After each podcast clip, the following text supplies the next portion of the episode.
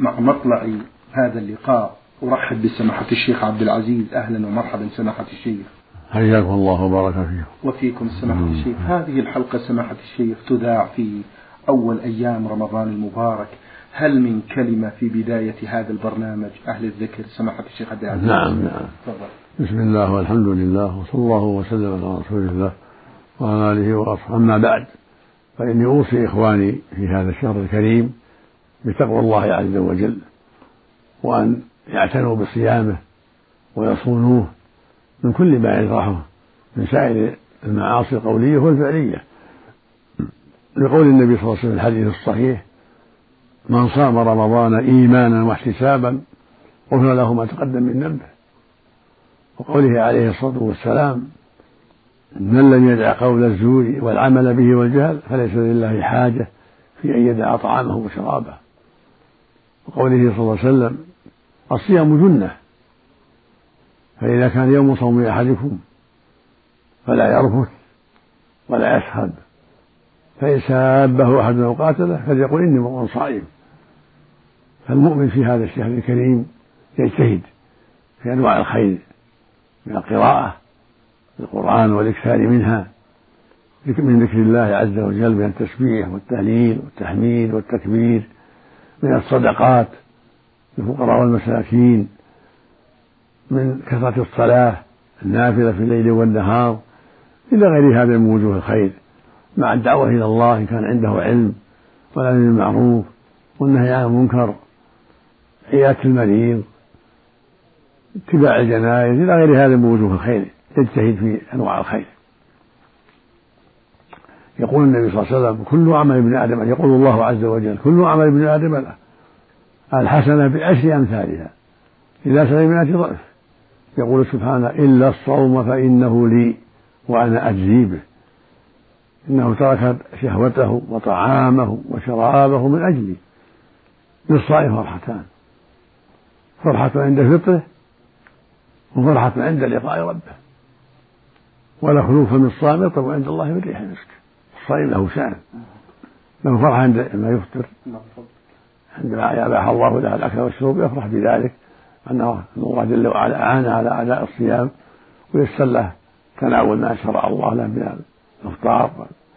ثم يفرح يوم القيامة بصوم لما له من الأجر العظيم في ذلك والخير الكثير. فينبغي المؤمن أن يجتهد في إتقان هذا الصيام وصيانته وحمايته من كل ما يجرحه من سائر المعاصي. وكذلك ينبغي له أيضا أن يستكثر من أنواع الخير ولا سيما قراءة القرآن. فإن يشرع في هذا الشهر الكريم العناية بالقرآن الكريم والإكثار من تلاوته. وفي الحديث الصحيح يقول صلى الله عليه وسلم من قرأ حرفا من القرآن فله به حسنة والحسنة بعشر أمثالها. لا أقول ألف لام من حرف ولكن ألف حرف ولام حرف من حرف. ويقول صلى الله عليه وسلم اقرأوا هذا القرآن فإنه يأتي شفيعا لأصحابه يوم القيامة. ويقول صلى الله عليه وسلم يؤتى بالقرآن يوم القيامة وبأهله الذين يعملون به. تقدمه سورة البقرة وآل عمران تحاجان عن أصحابهما فالقرآن حجة لصاحبه أو عليه حجة له إن أدى حقه واستقام على ما فيه من الأوامر. وترك النواهي فهو حجة له من أسباب دخوله الجنة. أما إن أضاع ولم يقم بالواجب بأن ركب المحارم وقصر في الأوامر فهو حجة عليه. وصيامنا نعمة من الله علينا عظيمة نعمة عظيمة. فالمشروع لكل مسلم وكل مسلمة أن يصون هذا الصيام حتى يجد ثوابه كاملا. لقوله صلى الله عليه وسلم من صام رمضان إيمانا واحتسابا. إيمانا بأن الله شرعه واحتساب الأجر عنده سبحانه وتعالى. غفر له ما تقدم من ذنبه.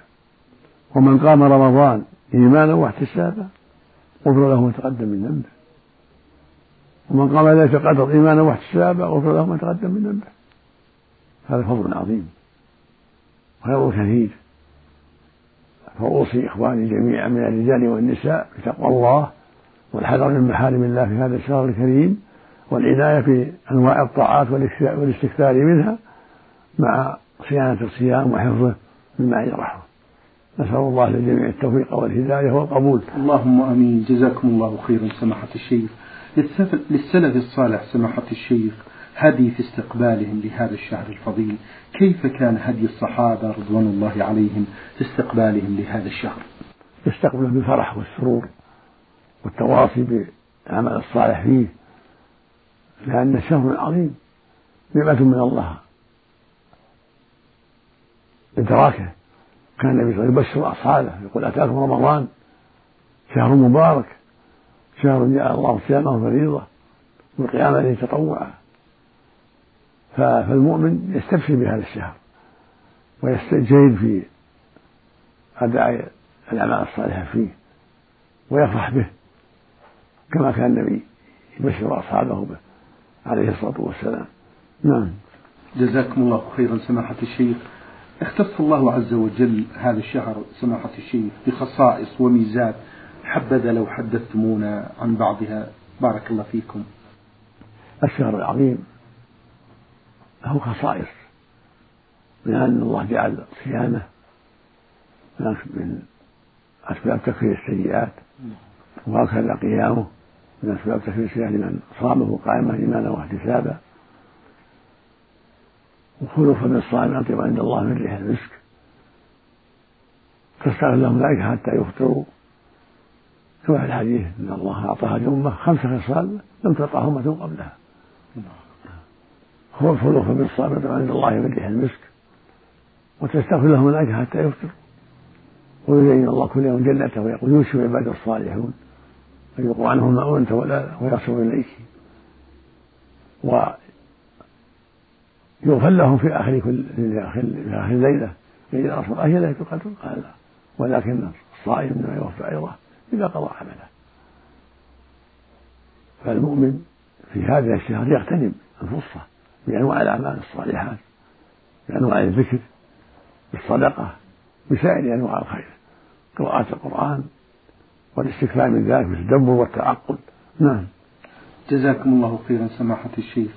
لا شك أن للصيام معاني سامية وعظيمة فنسأل يا سماحة الشيخ ونقول ما هو الغرض من الصيام؟ الغرض من الصيام هو التقرب إلى الله سبحانه وتعالى بترك الشهوات التي كان يعتادها طاعة له وتعظيما له وتقربا إليه بما شرع سبحانه وتعالى. لأن الله جل يحب بعباده أن يتقربوا إليه بترك ما تحبه نفوسهم طاعة له وتقربا إليه. فإن من طبيعة الإنسان محبة الأكل والشرب والاتصال بأهله فالله جل وعلا فرض عليه ترك ذلك في أيام الصيام تقربا إليه. وابتلاء أو امتحانا له. هل يؤثر محاب الله أو يؤثر هواه؟ فإذا وفقه الله لإيثار محاب الله وطاعته سبحانه وتعالى في صيانة صيامه عما حرم الله عليه كان ذلك دليلا على قوة إيمانه وقوة يقينه ورغبته فيما عند الله عز وجل. جزاكم الله خيرا سماحة الشيخ. قد يسأل سائل سماحة الشيخ عبد العزيز ويقول كيف تصوم الجوارح في رمضان؟ صيام الجوارح كفها عن محارم الله. نعم. إذا صام الإنسان يصوم لسانه عن محارم الله يكون بصره يغضه عن محارم الله يديه يكفها عن محارم الله رجله لا يمشي بها إلى محارم هكذا. مثل ما قال جابر رضي الله عنه. يقول رضي الله عنه إذا صمت فليصم سمعك وبصرك ولسانك عن الكذب والمحارم ودع على الجار. ويكون عليك وقار وسكينة. ولا تجعل يوم صومك ويوم فطرك سواء. ويقول صلى الله عليه وسلم في الحديث الصحيح من لم يدع قول الزور والعمل به والجهل فليس لله حاجة في أن يدع طعامه سواء. فالمؤمن يصون جوارحه عن الظلم والتعدي ويغض بصره عن المحارم وسمعه عن ما لا يحل له ولسانه عن ما لا يحل له. نعم. هذا السائل سماحة الشيخ عبد العزيز يقول لماذا اختص الله عز وجل الصوم من بين سائر العبادات بقوله الصوم لي وأنا أجزي به؟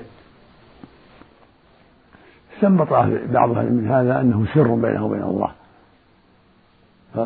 اختصه الله بنفسه. لأنه شيء لا يعلمه إلا الله. لو أكل أو شرب أو جامع ما درى عنه أحد من الناس. إلا زوجته إذا جامعها. ولو أكل في محل خاص أو شرب لم يعلمه أحد إلا الله. فإذا ترك هذه الأشياء في السر والجهر مراقبة لله وطاعة لله وتعظيما له فالله سبحانه يقدر له هذا هذا التعظيم وهذه العناية ويدخر له فضل هذا العمل العظيم وجعله خاصا به سبحانه الصوم لي وأنا اجزي به جعل الله له كرامة وزيادة في الأجر لأنه سر بين الله وبين عبده سبحانه وتعالى. نعم. جزاكم الله خيرا سماحة الشيخ. نعود إلى أسئلة السادة المستمعين سماحة الشيخ. هذا السائل يقول الصيام هل هو لأمة محمد صلى الله عليه وسلم أم لجميع الأمم؟ مشروع لجميع الأمم. قال الله سبحانه يا أيها الذين آمنوا كتب عليكم الصيام. كما كتب على من لعلكم تتقون. فهو كتب علينا كما كتب على من قبلنا. وذلك من رحمة الله وإحسانه إلى عباده أن يصوموا ويتقربوا إليه بترك شهواتهم طاعة له وتعظيما له فيجازيهم أجمل أحسن الثواب وأجل سبحانه وتعالى. جزاكم الله خيرا سماحة الشيخ. هذا سائل يقول بأنه رجل عليه صيام ليوم واحد وجاء رمضان ولم يصم. ماذا يعمل؟ يؤجل. فإذا خرج رمضان يصوم اليوم الذي عليه يطعم مسكين كما أفتى بجماعة من الصحابة رضي الله عن تأخيره إذا كان أخره بغير عذر. أما إن كان مريض جاء رمضان وهو مريض ما طاف السنة كلها هو معذور.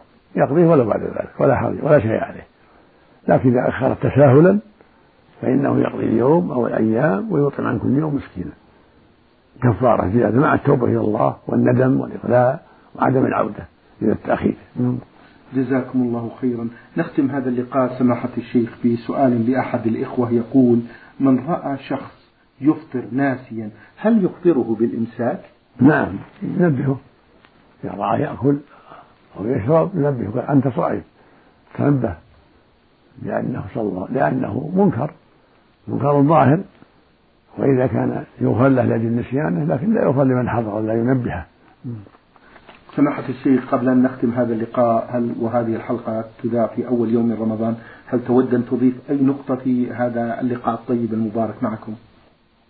أضيف الوصية السابقة الوصية بهذا الشهر العناية بتقوى الله وأن يحذر ما حرم الله عليه في هذا الشهر الكريم وأن يبذل وسعة في اغتنام الأعمال الصالحات التي يستطيعها في هذا الشهر الكريم لأنها فرصة عظيمة. اللهم آمين.